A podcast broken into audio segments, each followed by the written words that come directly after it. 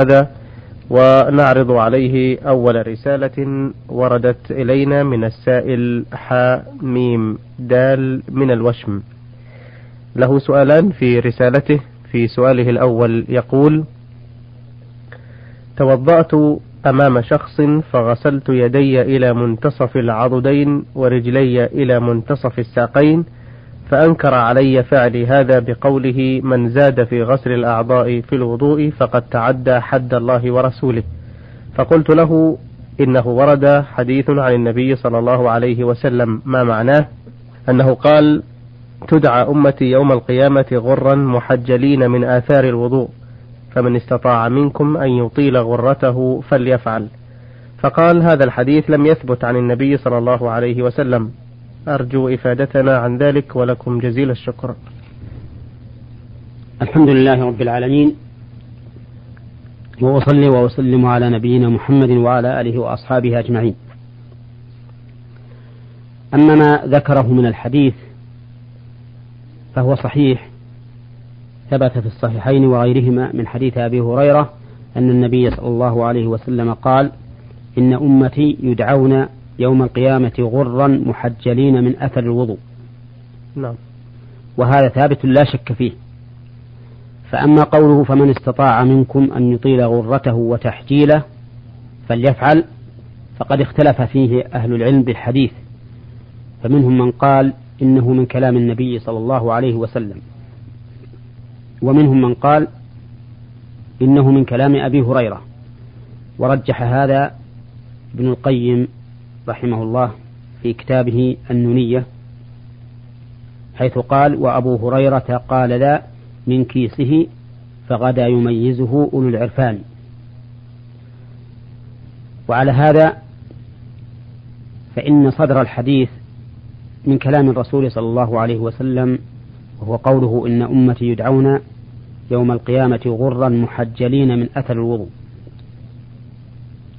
أما من الناحية العملية وهي كون هذا الرجل الذي توضأ زاد حتى بلغ نصف العضد ونصف الساق فإن هذا أيضا محل خلاف بين أهل العلم بناء على صحة آخر الحديث عن النبي صلى الله عليه وسلم. فمن رأى أنه من قوله قال إنه ينبغي مجاوزة محل الفرض. ومن رأى أنه ليس من قوله قال إن أن إن الله تعالى في القرآن حدد إلى الكعبين في الرجلين وإلى المرفقين في اليدين فلا نتعدى ما حده الله ما حده الله تعالى. وكذلك الأحاديث الواردة في صفة وضوء النبي صلى الله عليه وسلم تحدد اليدين بالمرفقين والرجلين بالكعبين. وأكثر ما ورد في ذلك فيما أعلم حديث أبي هريرة أنه توضأ حتى فغسل يديه حتى أشرع في العضدين وغسل رجليه حتى أشرع في الساقين. وهذا الإشراع معناه أنه تجاوز المحل لكن ليس إلى هذا الحد. وهذا الذي فعله أبو هريرة ذكر أنه وضوء النبي صلى الله عليه وسلم. وعلى هذا فالذي ينبغي أن يعدو الكعبين قليلا وأن يعدو المرفقين قليلا. وفائدة ذلك هو التحقق من غسل ما أوجب الله غسله إلى المرفقين وإلى الكعبين.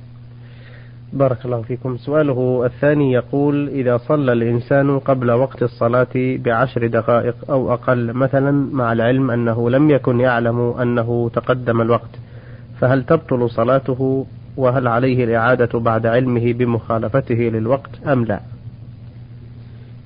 نعم صلاته التي صلاها قبل الوقت لا تجزئه عن الفريضة لأن الله تعالى يقول إن الصلاة كانت على المؤمنين كتابا موقوتا وبين النبي صلى الله عليه وسلم هذه الأوقات في قوله وقت الظهر إذا زالت الشمس. إلى آخر الحديث. وعلى هذا فمن صلى الصلاة قبل وقتها فإن صلاته لا تجزئه عن الفريضة لكنها تقع نفلا بمعنى أنه يثاب عليها ثواب نفل وعليه أن يعيد الصلاة بعد دخول الوقت نعم إذا استمر جهله بأنه صلى في غير الوقت هل تجزئه الصلاة؟ إذا كان حين أداها قبل الوقت شاكا في دخول الوقت نعم. فإنها لا تجزئه ولو لم يتبين له. أما إذا كان قد غلب على ظنه دخول الوقت فإنها تجزئه ولكن ينبغي للإنسان أن يحتاط نعم. ولا يتعجل حتى يتبين له الأمر. آه هذه رسالة من السائل أحمد محمد شكور من دمشق سوريا. يقول إذا كان حالف اليمين الذي يريد أن يكفر عن يمينه مسكينا ولا يملك أن يطعم عشرة مساكين ولا يستطيع الصيام لعذر صحي ومرض يمنعه من الصيام. فماذا يفعل؟ وكذلك بخصوص فدية الصوم في رمضان إذا كان لا يجد ما يطعم به ثلاثين مسكينا ولا يستطيع أن يصوم فماذا يفعل؟ وما هي صفات المسكين؟ يعني متى يكون المرء مسكينا؟ وهل هناك فرق بين الفقير والمسكين؟ أفيدونا جزاكم الله خيرا. إذا لزم الإنسان كفارة يمين ولم يجد ما يطعم ولم يستطع الصوم فإنها تسقط عنه. لقوله تعالى فاتقوا الله ما استطعتم وقوله لا يكلف الله نفسا إلا وسعها وقول النبي صلى الله عليه وسلم إذا أمرتكم بأمر فأتوا منه ما استطعتم. ولا يلزمه شيء. نعم. لأن من القواعد المقررة أن الواجبات تسقط بالعجز عنها. إلى إلى بدلها إن كان أو إلى غير شيء إذا لم يكن لها بدل وإذا تعذر عجز عن البدل سقطت عنه نهائيا. أما بالنسبة لصيام رمضان فإن الواجب على المرء أن يصوم رمضان فإن كان مريضا فله الفطر وينتظر حتى يعافيه الله إلا أن يكون مرضه مستمرا فإنه في هذه الحال يلزمه الإطعام. وإذا لم يجد ما يطعم سقط عنه أيضا لما سبق. أما الفرق بين الفقير والمسكين فإنه إذا ذكر أحدهما دون الثاني فهما بمعنى واحد. فإذا قلنا مثلا أطعم عشرة فقراء فهنا لا فرق بين الفقير والمسكين. وإذا قلنا أطعم عشرة مساكين فلا فرق بين المساكين والفقراء. أما إذا ذكر الفقير والمسكين في كلام واحد كما في آية الصدقات إنما الصدقات للفقراء والمساكين والعاملين عليها فإن الجميع يشتركون في الحاجة لكن الفقير أحوج من المسكين. ولهذا قال بعض أهل العلم إن الفقير من يجد دون نصف الكفاية والمسكين من يجد النصف ودون الكفاية. جزاكم الله خيرا. هذا سؤاله الثاني يقول فيه بعض الناس يقولون إن كل شيء من العبادات مستقل بنفسه ويبررون تركهم لبعض الفرائض وهم يقومون ببعضها الآخر. فمثلا نجد شخصا يصلي ولا يصوم أو امرأة تصلي ولا تضع الخمار على وجهها فإن قلت لها لماذا تصلين ولا تتحجبين؟ فتقول كل شيء لوحده والله يحاسبني على الصلاة وحدها وعلى الخمار لوحده. ومنهن من تقول أعرف أنه واجب ولكن الظروف لا تسمح لي. فما رأيكم بذلك؟ ليس هذا من جنس الإيمان ببعض الكتاب والكفر ببعض؟ وهل تكون صلاة المرأة التي تخرج سافرة صلاة صحيحة مقبولة؟ وما الحكم لو كان زوجها هو الذي يمنعها من الحجاب؟ العبادات لا شك أنها تتجزأ وأن كل عبادة مستقلة بنفسها فهذه صلاة وهذه صدقة وهذه صيام وهذه حج وهذا بر والدين ولكل منها حكم نفسه ويقبل منها كل واحد وإن كان مفرطا في الآخر إلا عبادة واحدة وهي الصلاة فإنه إذا تركها لا تقبل من منه عبادة أخرى. وذلك لأن ترك الصلاة كفر مخرج عن الملة. وإذا كان كفرا مخرجا عن الملة فإن الكافر لا تقبل منه عبادة. لقوله تعالى وما منعهم أن تقبل منهم نفقاتهم إلا أنهم كفروا بالله وبرسوله. أو ورسوله نسيت. إنما غير الصلاة إذا ترك عبادة وفعل عبادة أخرى فإنها تقبل منه التي فعلها إذا كانت على الوجه الشرعي. وإن كان متهاونا بالعبادة الثانية إلا إذا كان تركه للعبادة الثانية ترك تكذيب وجحود وهي مما يخرج عن الملة جحوده فحينئذ لا يقبل منه. لا تقبل منه العبادات الأخرى لما ذكرناه قبل قليل.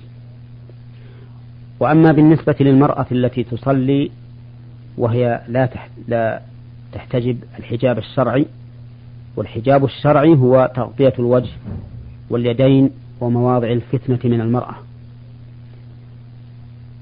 و فإن صلاتها تكون صحيحة وهي آثمة بترك الحجاب الشرعي. وإذا كان زوجها يأمرها بأن لا تحتجب فإنه لا طاعة له ويجب عليها معصيته في طاعة الله لأنه لا طاعة لمخلوق في معصية الخالق والله ورسوله أحق أن يرضوه إن كانوا مؤمنين. وفي هذه الحال إذا عصته فإنه لا يحل له أن يقصر في شيء من واجباتها بناء على هذه المعصية بحجة أنها نشزت بمعصيتها إياه.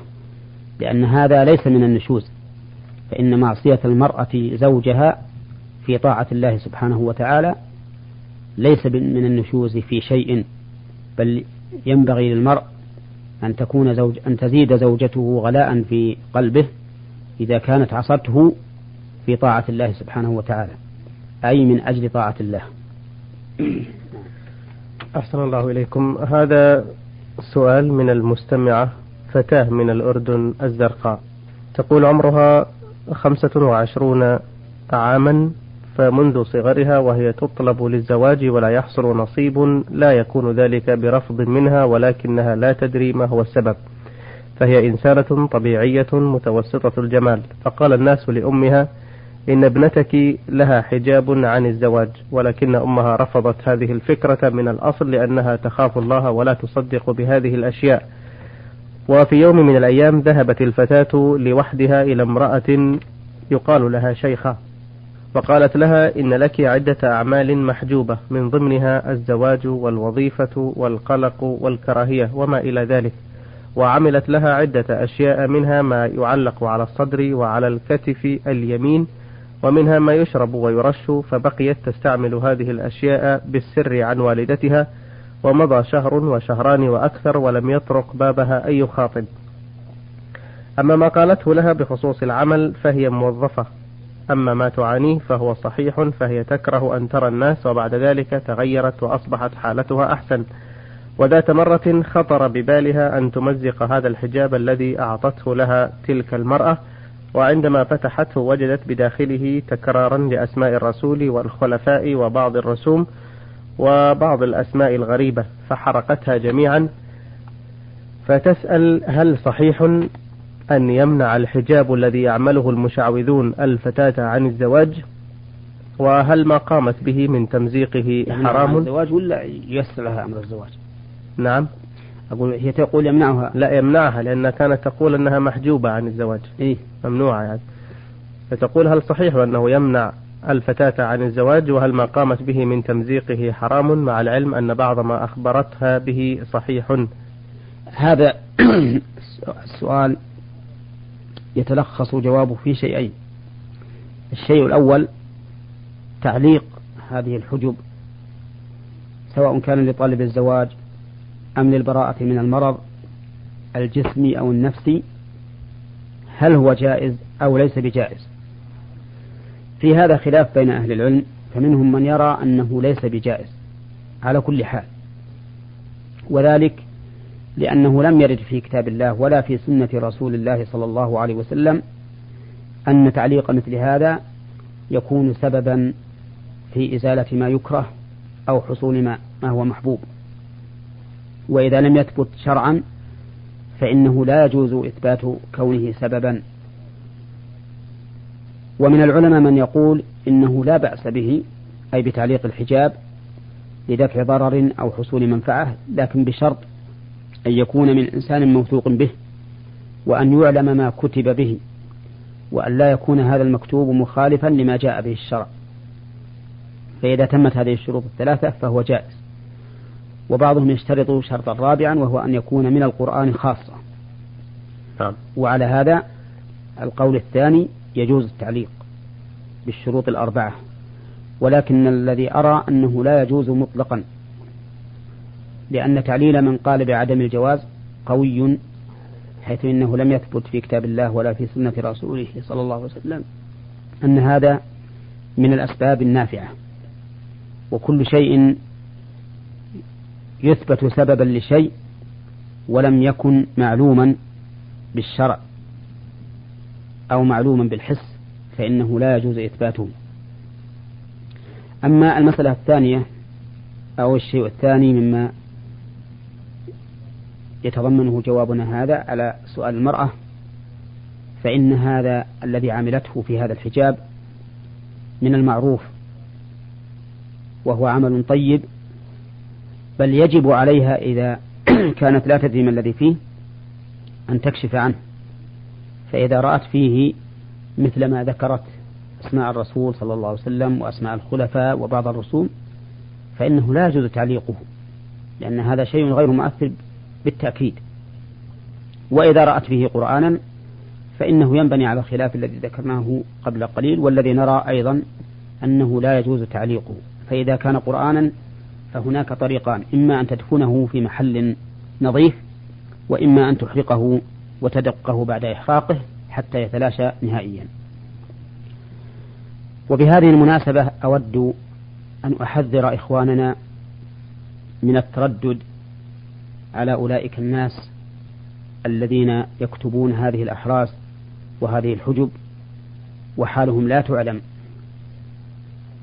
لا من جهة الديانة ولا من جهة العلم لأن هذه من الأمور الخطيرة. وكون الإنسان إذا فعلها يتأثر ويجد خفة قد لا يكون ذلك من جراء هذا العمل. قد يكون الله تعالى قد أذن ببرئه أو شفائه وصادف أن يكون عند هذا الشيء لا به. وأيضا فإنه من المعلوم نفسيا أن الإنسان إذا شعر بشيء فإنه يتأثر به جسمه. إذا شعر بشيء نفسيا فإنه يتأثر به جسمه. حتى إن الإنسان كما هو مشاهد إذا كان غافلا عما به من مرض فإنه لا يحس به. فإذا التفت في فكره إليه أحس به. هذا الرجل يكون مشتغلا بتحميل عفشه مثلا فيجرحه مسمار أو زجاجة تجده لا يحس بها حين اشتغاله بالعمل. فإذا تفرغ فإنه يحس به لأنه جعل فكره إليه. والمهم أن ننصح إخواننا عن هذه الطرق التي لا يعلم من سلكها ولا يعلم ما في ما فيها من مكتوب والإنسان ينبغي له أن يعلق قلبه بالله عز وجل ويتبع ما جاء عن النبي صلى الله عليه وسلم في الاستشفاء بالقرآن والدعاء. جزاكم الله خير الجزاء. أيها الإخوة الكرام عرضنا رسائلكم في حلقتنا اليوم على الشيخ محمد بن صالح العثيمين المدرس بكلية الشريعة بجامعة الإمام محمد بن سعود الإسلامية بالقصيم وإمام وخطيب المسجد الجامع الكبير بعنيزة. باسمكم جميعا نشكر له إجابته على أسئلتكم والتي تضمنت الإجابة على أسئلة الإخوة حاء ميم دال من الوشم وأحمد محمد شكور دمشق سوريا والمستمعة فتاة من الأردن الزرقاء. أيها الإخوة الكرام نشكركم على حسن متابعتكم وإلى لقاء قادم إن شاء الله تعالى. والسلام عليكم ورحمة الله وبركاته. نور على الدرب. برنامج يومي